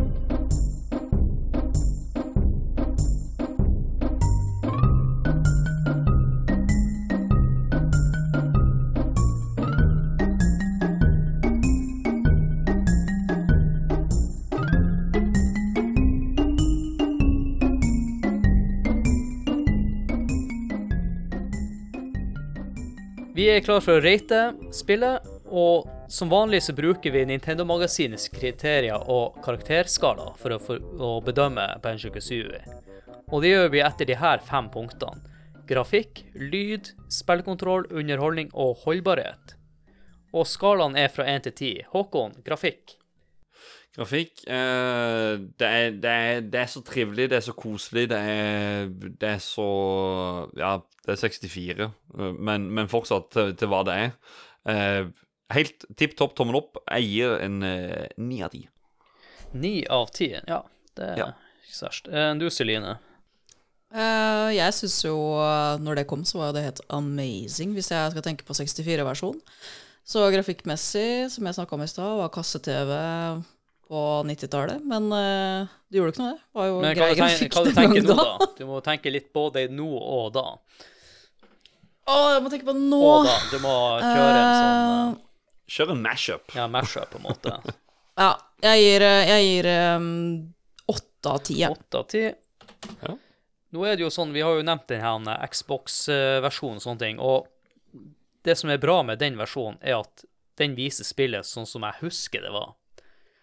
Hvis jeg skulle ha sett på det spillet, så ville jeg kanskje ha gitt det eh, ni og en halv. Men jeg tror jeg går ned til ni. Jeg syns grafikken er fortsatt fin, og det Rare har en egen stilart på det. Jeg syns det funker utrolig bra. Eh, Lyd, Håkon. Eh, det, det er ti. Ti. Ja, det er bare. Vi, vi, vi snakka veldig mye om det i stad, faktisk. det, er, det er ti. Celine. Jeg er på tida òg. Det er jo låter som setter seg i huet med en gang, så Ja. ja. Og så blir det litt irritert, og det, Og så denne lyden. det er sånn det, det, er sånn det skal være. Ja, og lydene. Det, det, er. Nå, nå blir Adrian det, er- det stressa. er viktig å også poengtere at det, det er ikke bare musikken, men lydene er jo Det funker på, til det her universet. Spillkontroll, Håkon. Oi, det er noen der flyabilities for eksempel er så drit. Kamera er også til tider ganske drit. Du må tenke på at er 64-versjonen. Jeg husker hvordan det er på Xbox. Om du har fri view 360. Nei, jeg tror jeg Men- sleit litt med det å, å bedømme hvor det skal hoppe, men nå suger jo jeg i plattformspill generelt sett, så jeg vet ikke om uh, min ability kan gjenspeile det. Der hopper han rett og slett ned til 6,5. Seks og en halv, og desken er streng i dag. Enn du, Celine? Svømming, flyving, alt er dritt. Ja, øh, svømming er vanskelig, flyving er ganske vanskelig, men som jeg sa i stad, jeg spiller jo egentlig mest Banjo Kazooie bare med Du spiller Kazooie. Kazooie, ikke Banjo Kazooie. Du spiller bare Kazooie. Jeg spiller Så Kazooie. Banjo. Så eh, da flyter det litt bedre, syns jeg. Så jeg gir øh, mm, syv og en halv. Jeg hadde tenkt meg for syv, og jeg står på syv. Det er grei kontroll, men det er egentlig kameraet jeg sliter mest med der. Håkon, underholdning. Mm, jeg har noen baner som er litt drit til tider, som kan irritere deg at jeg faktisk kan finne på Nei, det, da, da slo jeg av spillet, liksom, for at jeg, jeg orker ikke den banen mer. Uh, men uh, det er for så vidt oppe. Ni av ti. Ni av ti. Enn du, Celine? Ja, jeg er litt enig med Håkon akkurat der. Det er et par baner som eh, du ikke har lyst til å dra gjennom, så jeg kjører åtte av ti. Jeg skal bare Å, åtte av ti. ja. Jeg tenkte at du kjørte ni av ti. OK, det er åtte. Du tenker det, må vite. Sikkert sikkert så samme som meg. Jeg tror jeg landa på åtte, fordi at jeg hater Rusty Bucket Bay, og jeg syns også Jeg vet ikke, det er noe med ørkenbaner jeg også ikke liker, så på grunn Der av har du full danske. Hallo. Ja, men det blir en åtte på meg òg. Holdbarhet og god. 64-versjonen har absolutt ikke holdt seg, dessverre. Men eh, så har vi fått sek- eh, 360-versjonen, og Vi skal være greie her i spill. Vi, vi skal ikke dømme spill ned. Vi vil ha dem opp. Nei, så vi- nei, nei. Jeg vil jo si at det, det på en måte holder seg opp, for det er jo bare teksturer og kontroll som er liksom Det er bare fiksa på sånn på den 360-versjonen at det, det er en sånn Ja. Um, Åtte og en halv av ti. Åtte og en halv enn du, Celine. Jeg sa jo også tidligere i stad at jeg sliter litt med å fullføre spillet. Uh, I nyere versjon, så jeg gir syv av ti. Jeg lurer på om også jeg lander på syveren her. Eh, Som sagt, det er noen baner jeg ikke liker, og så Hvis du spiller 360-versjon, så er jo sånn du husker spillet var. Mm. For min del så er det kanskje Det blir litt for mye eh, samling etter min smak av eh, ting og tang, så derfor lander jeg på syv. Og da er vi jo kommet til veis ende med ratinga, så da har vi jo lytterspalten her, Håkon. Så da må vi hoppe inn til Spill Community på eh, Facebook-gruppa vår der, og se hva folk har skrevet inn.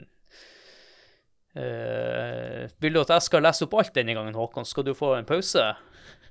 Det er ikke noe problem for meg, det. Uh, vil, du, Ja. vil du være med, du òg, Celine?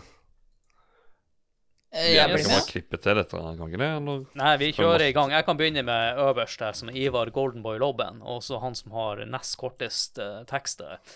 Faktisk så har han ikke spilt det noe særlig, men han kjenner dog til, til det og liker stemninga og musikken. Spørsmålstegn her Uh, Du har ikke spilt spillet, Grand men du liker stemninga. Hvordan kan du Men hvis du tenker på stemninga som musikken skaper, så skjønner jeg det. Det er vel sikkert det, ja. Ja. Det er vel det jeg ser for meg. Har du LP av Banny Kazooie, eller? Nei, men det kom en uh, av I am 8-bit. kom en sånn svær uh, Jeg tror det var de som hadde det. Uh, men det kom en sånn svær samleboks på fire vinyler, tror jeg. Så det er, det er et stort soundtrack. Og Selina, har du lyst til å ta en eh, Paul Ivar her? Siden han har skrevet lengst, og du prater bokmål, så enklest for deg å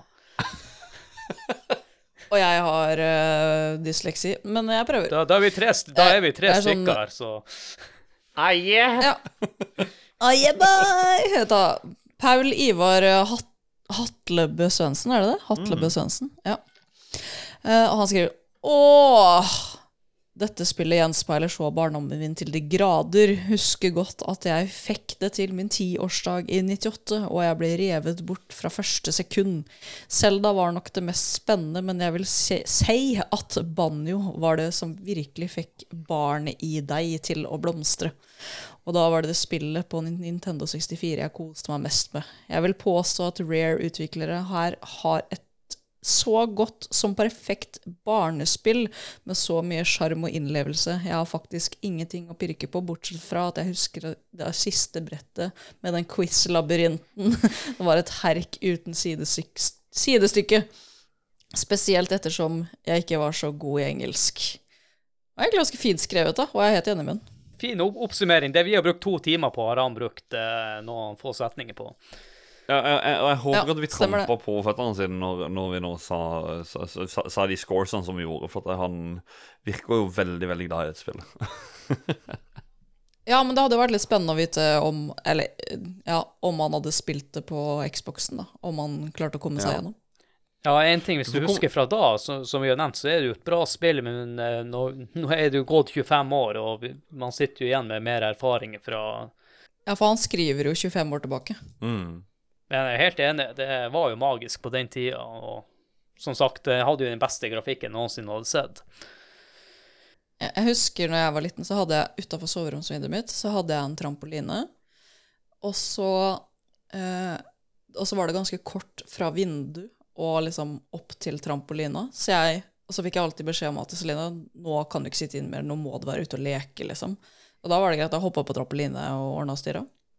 Men da Så lenge jeg var ute, så kunne jeg sette Satt jeg kasse-TV-en. Jeg hadde sånn 14 14-tommer, da. Sånn Der, uh, satt jeg i vinduet. Og så hadde jeg, så hadde jeg satt kontroll med ekstra lang ledning, så jeg satt på trampolina og spilte. Å, herregud, det er jo, det er jo legendarisk. Jeg tror jeg, det har jeg faktisk ikke sagt Du, noen ditt gang, for jeg fantastiske vesen. Det, det digger det. Herregud, det er fantastisk. Men hvordan var det å spille, da? For du måtte jo flytte på hodet alt hele tida. Det må jo ha vært eh, hard mode. Ja, men jeg var jo såpass lur da, at jeg, jeg tok eh, Jeg kasta jo dyner og dritt og møkk ut av vinduet, ikke sant? Så jeg hadde jo dyne på trampolina, så jeg måtte jo bare sitte, titte oppover. Herregud. Så du hoppa egentlig ikke på trampolina, du bare satt og spilte ute? Nei, det var spill, spillmatta mi. Fantastisk historie.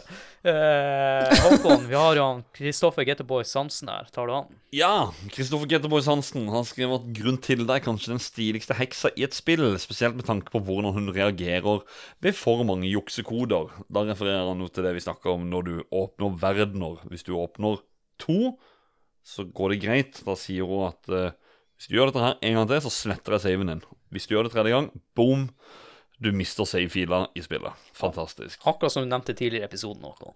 Ja, men, men jeg tror at han egentlig mener noe med dette. Og så Ja. kan du ta videre. Men hun er en bra heks, da. Ja, hun- ja, hun, hun, hun er det. Um... Altså, du, men hun, hun er jo så bra at du hater jo gjennom hele spillet. hun er en bra heks, rett og slett. I, Ja. i, hun er en bra boss-heks, ja. For å si det sånn, når du klarer fortsatt huske henne etter 25 år, så har hun gjort et godt inntrykk. Og så tror jeg også hjelper på, som vi nevnte, at hun kommer med litt dialog hele tida mens du spiller og kommenterer på alt det du holder på med. Mm. Det tror jeg hjelper veldig på, da. Nestemann ute her er han Knut Ivar Robertsen. Han skriver herlig. Kjøpte det her sammen med Legend of the Music Mystical Ninja på Tenerife sommeren 98. Litt artig å lese om barndomsminner til spillet, og han fylte 26 den sommeren. Fantastisk spill med glimrende humor og nydelig gameplay. For øvrig har han ikke hørt om en kjeft som har spilt musical Ninja. Jeg har ikke spilt det, og det undrer meg virkelig, for der snakker man virkelig om ei skjult perle.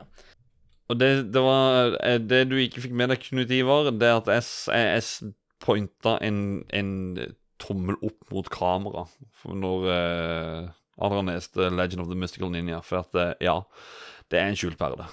Du har spilt det? jeg har testa det, men jeg, men jeg, jeg vet åssen det funker. Jeg, jeg har spilt Snes-spillet. eh, og på 64 en bitte grann. Men det, det, det, er, det, er, et bra spill. Det er det. Uten å ha spilt det. men jeg vet at det har veldig god omtale. Men Var det på Nintendo 64, det òg? Blåhåra, spiky hår-dude. Jeg tror jeg husker coveret, tror jeg Ja. faktisk. Celine har lyst til å ta han Ole Markus? Han Ole Markus, Wergeland, Mathisen. Noe av his historiens beste Men det stemmeskuespill. Det har vi Ja. nevnt mange ganger. Han Håkon elsker jo soundboard. Jeg er ikke så happy eh, med tanke på soundboard, så Håkon, siste gang i dag, skal få lov til å spille av en lyd. Take it away. Take it away. Ok, vi går tilbake til den luringen her.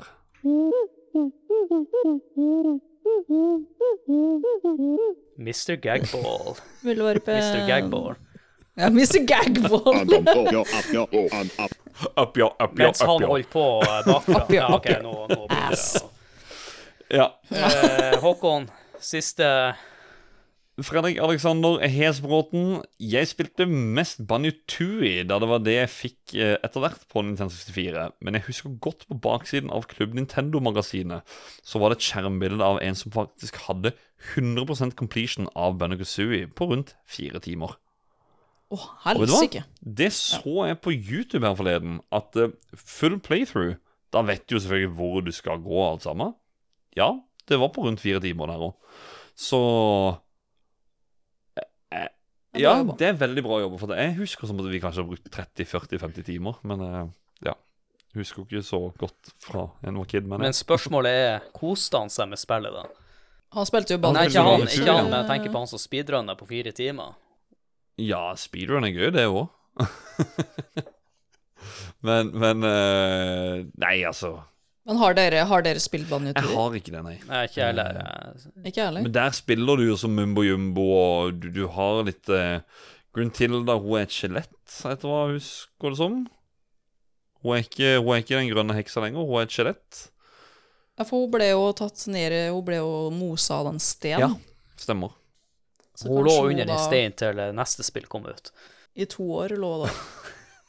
Med det så tenker jeg at eh, vi skal komme oss litt videre her i episoden. Fordi at eh, vi er med veis ende, og Celine, du skal få lov til å plugge det du holder på med. Du, du kan ikke si 'plugge' det jeg holder på med. Ja, det passer jo perfekt.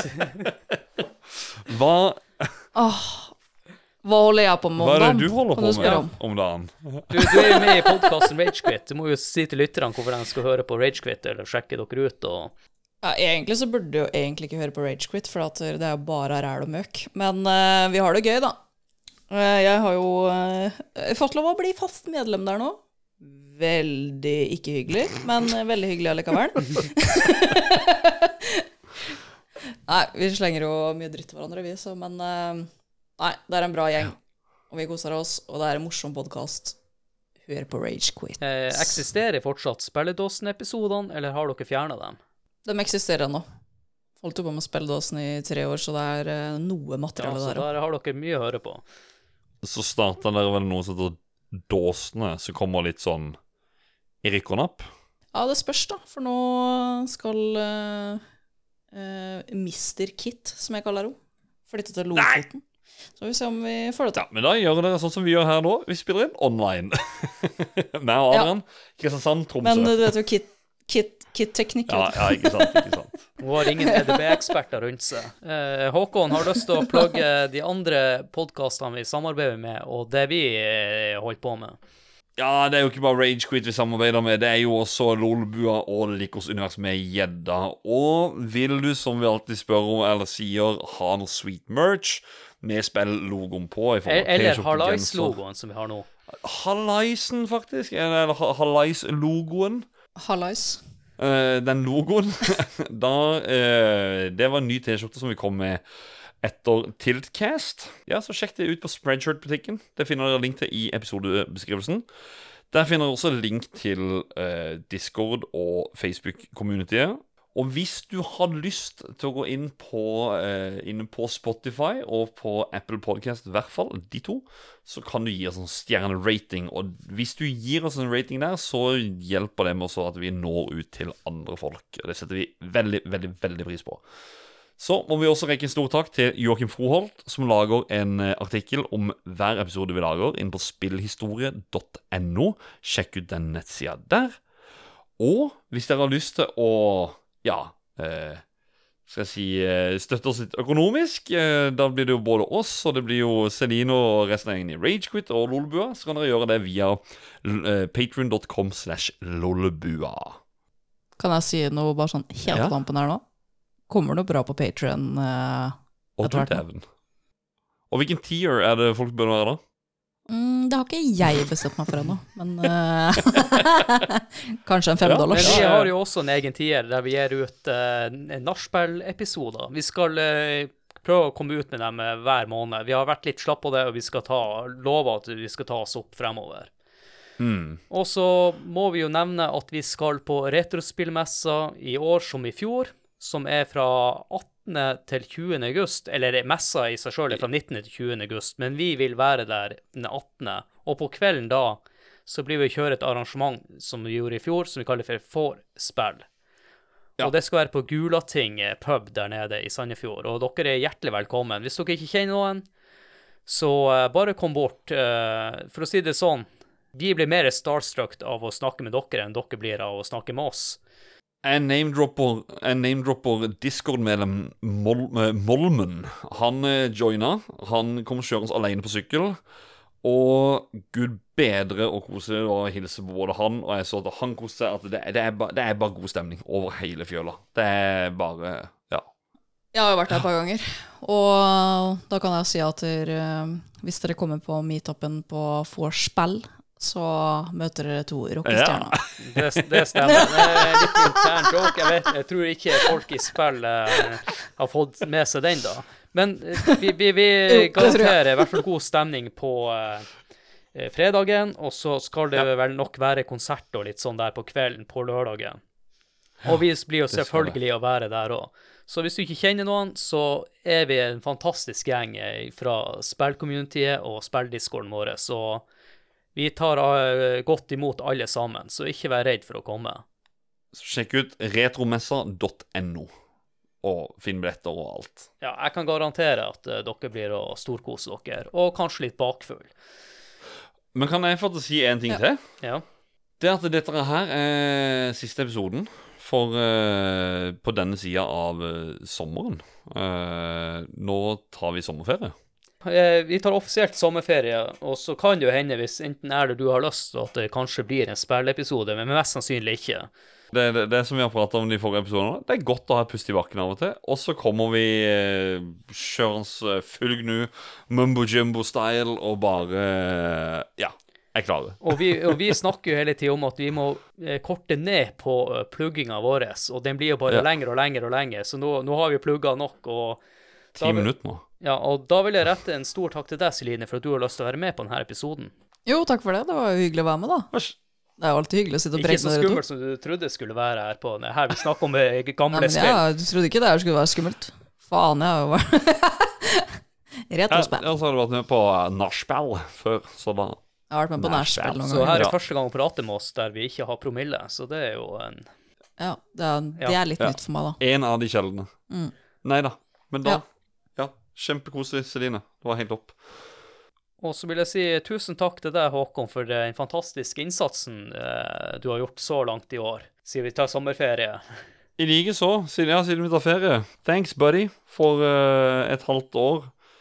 Vel gjennomført. Så skal vi ta enda et halvår på andre sida av sommeren. Og på andre siden av sommeren, mest sannsynlig så vil ikke neste episode komme ut før i slutten av august eller i starten av september. Vi må se litt an, siden vi skal på retromessa. Nå er plugginga på 11 minutter. Ja, ja, men, men, men det her er siste episode. Det, ikke, ikke siste episode at du slutter, men eh, Og on that bombshell, så er det bare for meg Oi. å si tusen takk for at du hørte på, og ha det! Ha det!